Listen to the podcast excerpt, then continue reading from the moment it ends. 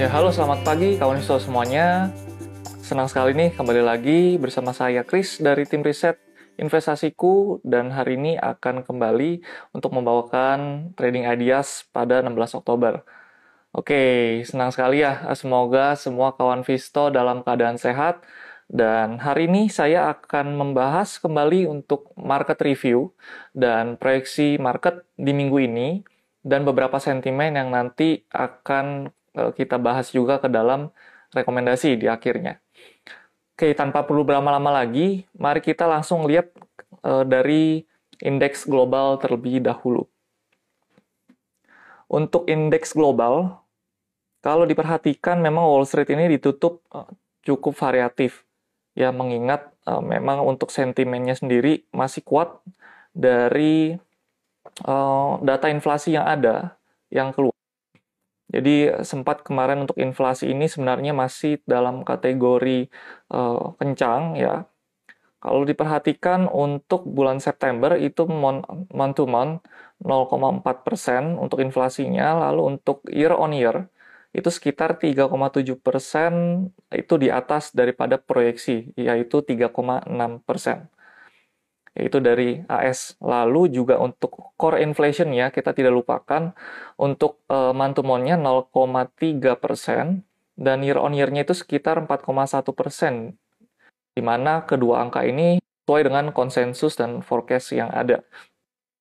Lalu untuk job juga di sini untuk bulan Oktober sekitar 209.000 ya di bawah dari ekspektasi, yaitu 210 ribu. Ini yang menandakan bahwa sebenarnya ada potensi untuk AS ini eh, harus kembali ya, namanya menekan angka-angka ini.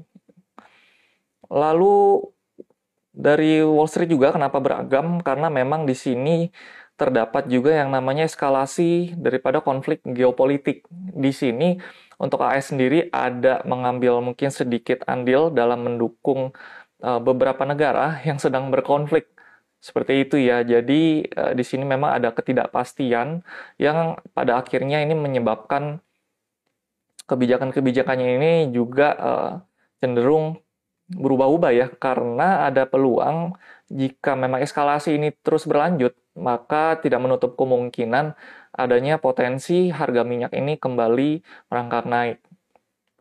Dan juga terlihat juga ya untuk harga minyak saat ini untuk Brent dan WTI-nya di sini eh, terdapat kenaikan yang cukup signifikan sekitar 5,69% untuk Brent, lalu untuk WTI-nya ini sekitar 5,77% ya. Itu untuk data terakhir penutupannya. Dan hal ini juga diikuti oleh kenaikan daripada harga batu bara dan ini dipengaruhi juga eh, oleh kenaikan harga gas ya karena kita tahu di sini Israel sempat untuk memotong ekspor gas ke Mesir dan juga ini didukung lagi nih untuk kenaikan harga batu bara dari potensi musim dingin di pekan ini.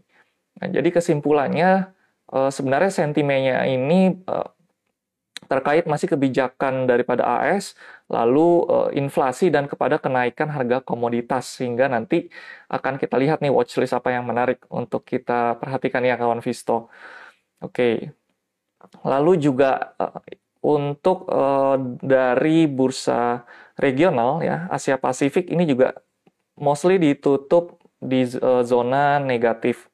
Di sini juga tidak terlepas ya kalau dari Asia itu terdapat uh, dari China di mana pertumbuhannya sebenarnya masih kategori melambat. Di sini dapat tercermin lewat inflasi yang ada di China. Data terakhir adalah year on year ya sekitar 0% dari yang sebelumnya 0,1% untuk inflasi. Nah, nah, ini juga angkanya berada di bawah konsensus dan forecast. Lalu untuk mantumonnya itu sekitar 0,2 persen inflasi China dari yang sebelumnya 0,3 persen. Ini juga di bawah konsensus dan forecast yang ada. Dan juga kemarin untuk Jumat itu ada rilis uh, data dari China New Yuan untuk loan. Jadi untuk pinjamannya sebesar 2.310 miliar ya dalam mata uang China untuk periode September. Dan hal ini dibawa dari ekspektasi juga, di mana 2.500 miliar untuk yuan, ini menandakan bahwa ketika pinjamannya turun, otomatis ada perlambatan pertumbuhan ekonomi di China. Dan ini berpengaruhnya ke mana? Ya, ke bursa untuk yang Asia. Lalu kita langsung masuk uh, kepada untuk proyeksi dan sentimen yang ada di HSG ya. Kita langsung review.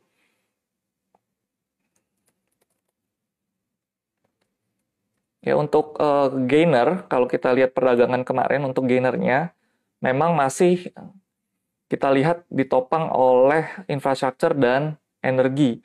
Ya, dan juga di sini ada pelemahan yang cukup uh, uh, dalam juga pada teknologi, properti, dan juga ada dari keuangan. Ya, jadi kalau kita lihat di sini tema besarnya sebenarnya masih juga dipengaruhi oleh kenaikan harga energi, ya di mana komoditas banyak di dunia ini pada melambung. Oke.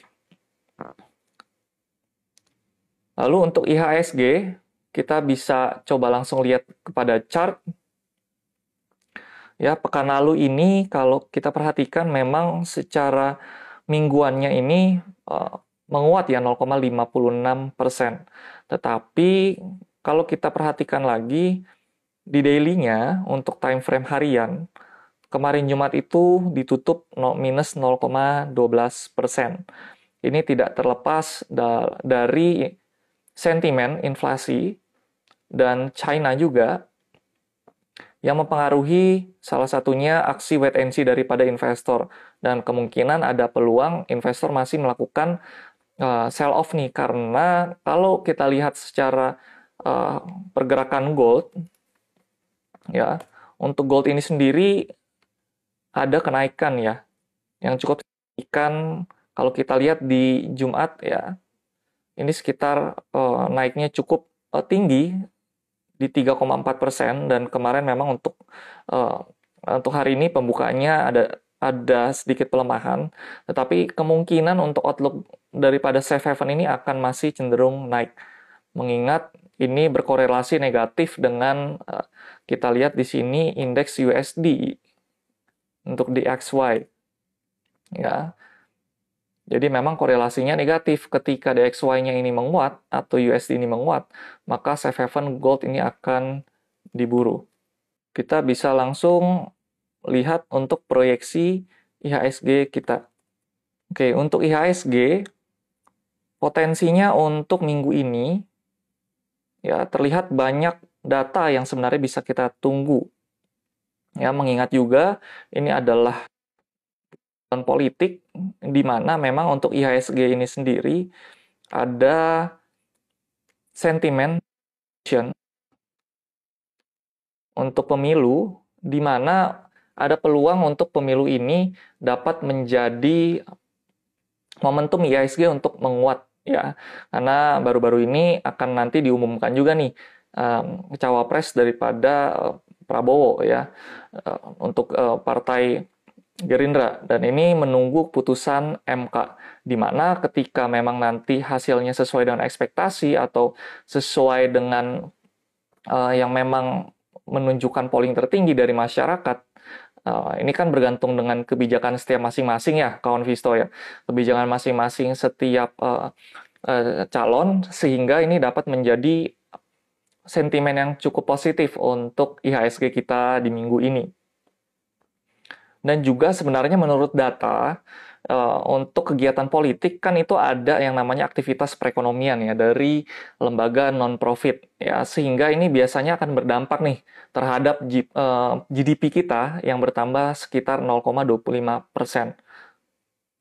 Ya itu menurut data. Oke, uh, lalu di sini juga untuk IHSG proyeksinya kita juga masih sebenarnya menunggu neraca perdagangan Indonesia yang akan uh, keluar di hari ini. Untuk periode September itu cukup penting.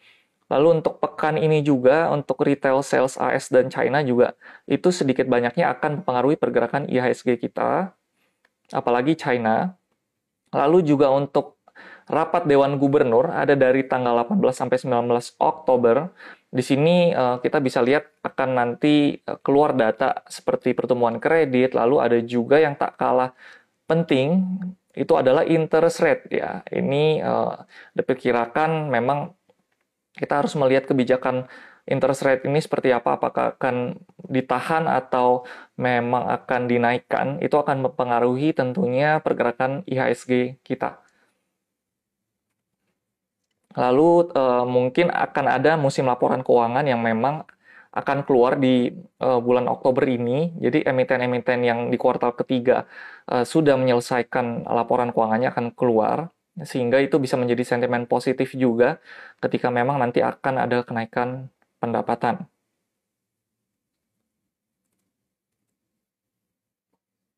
Oke. Okay.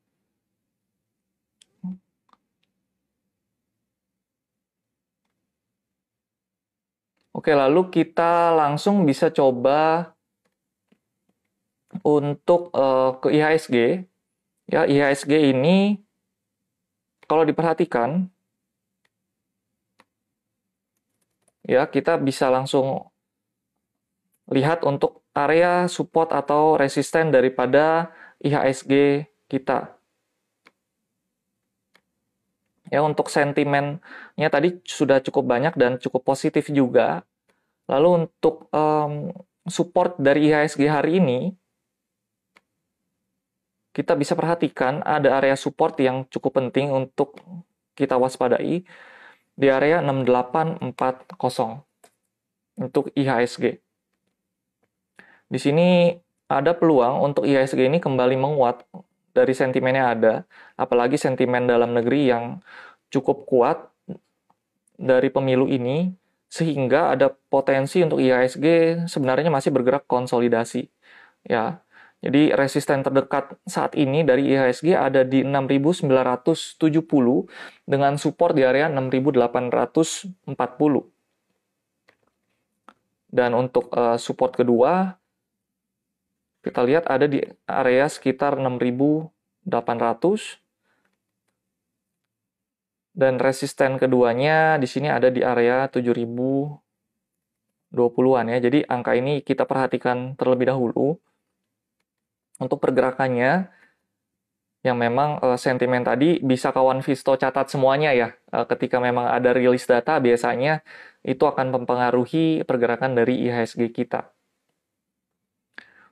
Oke. Itu untuk uh, untuk IHSG. Lalu kita bisa coba masuk ya. Yang ditunggu-tunggu kawan Visto mungkin untuk uh, bisa trading. Kita di sini ada 5 rekomendasi saham. Melihat sentimennya ada.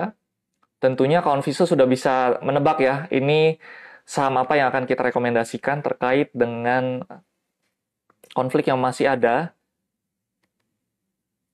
Di sini kita ada rekomendasi untuk Elsa, karena ini akan cenderung mendapatkan sentimen positif dari kenaikan harga minyak.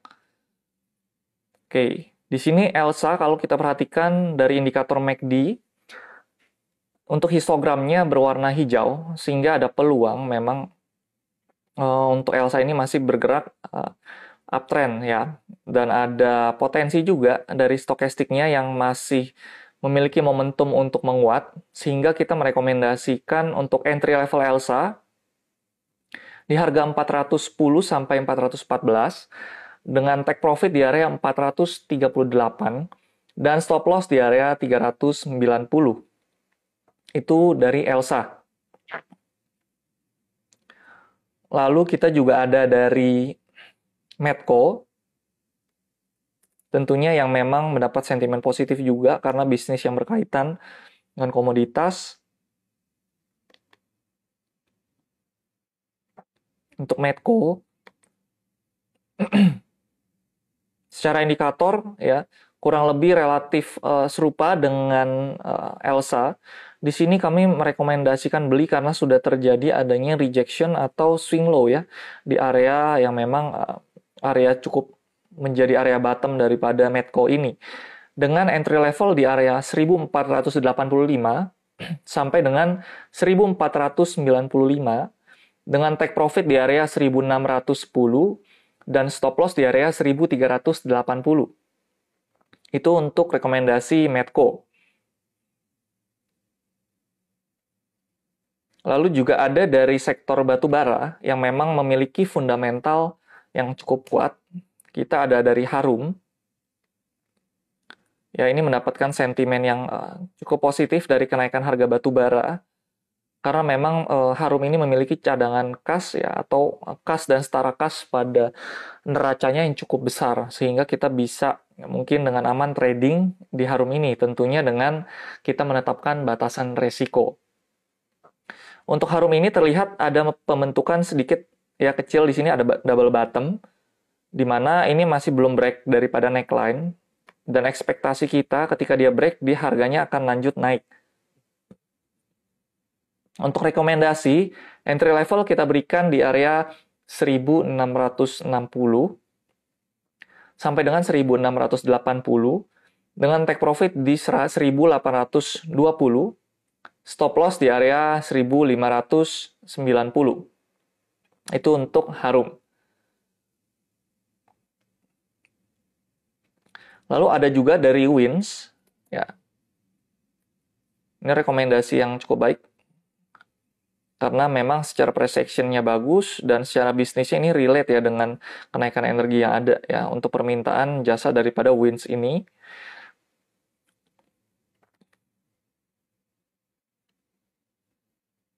ya Wins kita rekomendasikan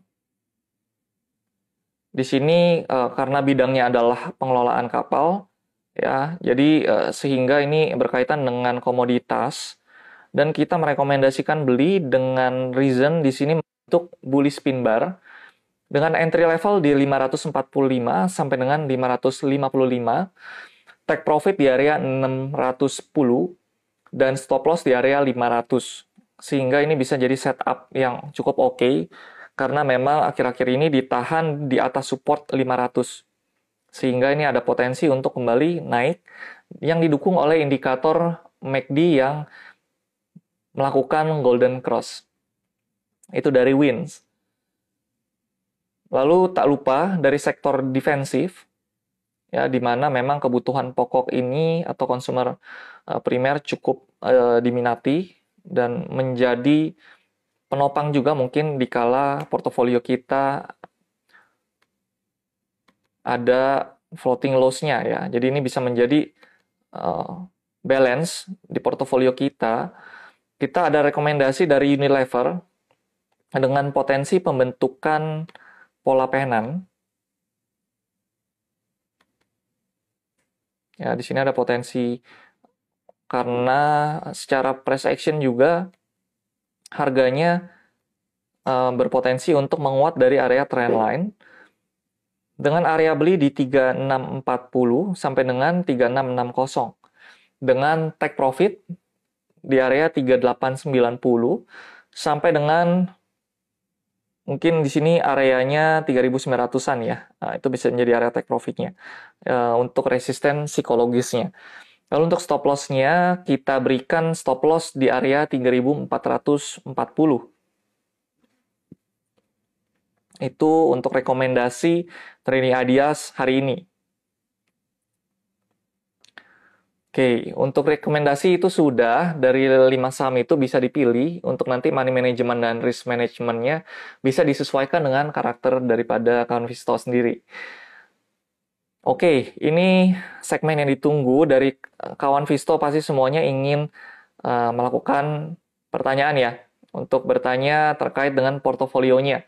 Akan kita bantu bisa tulis di kolom chat nanti akan uh, kami analisakan bagaimana outlooknya ke depan. Oke, kita lihat di sini ada saham Pegas untuk saham pegas ini sendiri kita bisa sebenarnya perhatikan ada kenaikan harga gas karena memang uh, sempat ya di sini terkait dengan masih konflik geopolitik juga yang memang uh, menjadi penopang untuk kenaikan harga komoditas. Di sini pegas kemungkinan ada potensi masih dia mengalami kenaikan. Hanya kawan Visto perlu ingat semua kenaikan ini biasanya hanya sentimen sementara aja ya. Dan memang lagi-lagi kembali ke fundamental. Ketika fundamentalnya memang oke, pasti harga itu akan uh, cenderung mengikuti dari pergerakan fundamentalnya. Untuk pegas, di sini uh, pas di area support di sekitar 1395 dan ketika masih di atas area tersebut, kawan Viso semuanya bisa pertimbangkan untuk hold jika punya. Tetapi jika belum punya, kita tunggu konfirmasi dulu hari ini karena memang candle 13 Oktober kemarin ini ada candle tekanan ya di mana shadow atau tailnya ini cukup tinggi sehingga mengindikasikan kenaikannya ini masih belum valid. Ya, ada tekanan jual yang cukup tinggi.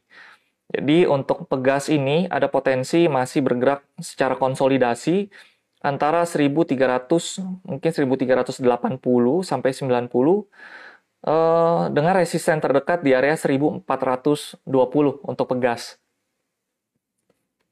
Jadi kalau kami sendiri melihat ini masih belum menarik karena candle yang terbentuk masih belum solid. Lalu dari Elsa tadi sudah dibahas untuk rekomendasi. Oke, lalu ada dari RMKE. Kalau secara visual, Anda lihat secara teknikalnya, ini masih berada di dalam downtrend ya. Kalau kawan Visto punya dari area atas, bisa batasi risiko dulu untuk melakukan cut loss. Tetapi kalau memang punya dari area bawah sini, di area 660, ya, di sini bisa hold selama harganya masih bertahan di atas 660, ya, atau 655. Di situ ada area support dengan resistance pertama yang bisa menjadi target untuk pelepasan saham ini di area 730 itu menjadi area resistennya dan saat ini memang masih cenderung bergerak konsolidasi ya, membentuk sebuah base kecil. Ya. Di sini area garis ini sebuah konsolidasi yang memang ketika belum ditembus masih harganya belum bisa ke mana-mana ya. Itu untuk RMKE. Lalu kita lihat untuk brand. Oke, Convisto ini saham yang cukup ramai ya. Uh, diperbincangkan. Tetapi biasanya saham-saham yang ramai seperti ini, hype-nya itu tidak akan berlangsung lama. Ketika memang uh, sentimennya cukup untuk uh, membuat saham ini turun, ya let's say ada sentimen yang memang uh, negatif atau kita bisa katakan sentimennya ini tidak ramai lagi. Otomatis biasanya akan harganya mengalami koreksi yang signifikan karena beberapa hari berturut-turut ini sudah naik ya. Sahamnya ini sudah uh, arah ya 25% ya beberapa hari sehingga memang uh, untuk saham seperti ini kalau boleh uh, saya katakan ini bisa menjadi spekulasi ya. Nah, kembali lagi Anda harus memantau fundamental daripada brand ini sendiri ya. Saya tidak mengatakan saham ini buruk, tetapi secara candlestick ini memang kenaikannya sudah cukup impulsif sehingga kawan Viso semuanya yang punya ini harus e, melakukan pembatasan resiko. Karena ketika nanti harganya dibanting, itu ketika HARB, let's say, maka nanti untuk keluar kawan Viso akan susah. Jadi untuk brand ini e, masih belum bisa kita analisa juga karena belum ada histori daripada pergerakan chartnya. Sehingga untuk brand ini e, kami menyarankan untuk pertimbangkan bisa melakukan pembatasan risiko dengan melakukan cut profit. Itu dari brand. Lalu kita lihat mutu. Oke, untuk mutu ini ada potensi melakukan false break ya karena ketika dia break daripada support, candle yang terbentuk adalah hijau. Jadi ketika nanti masuk lagi ke atas resisten 119 itu bisa dilakukan hold.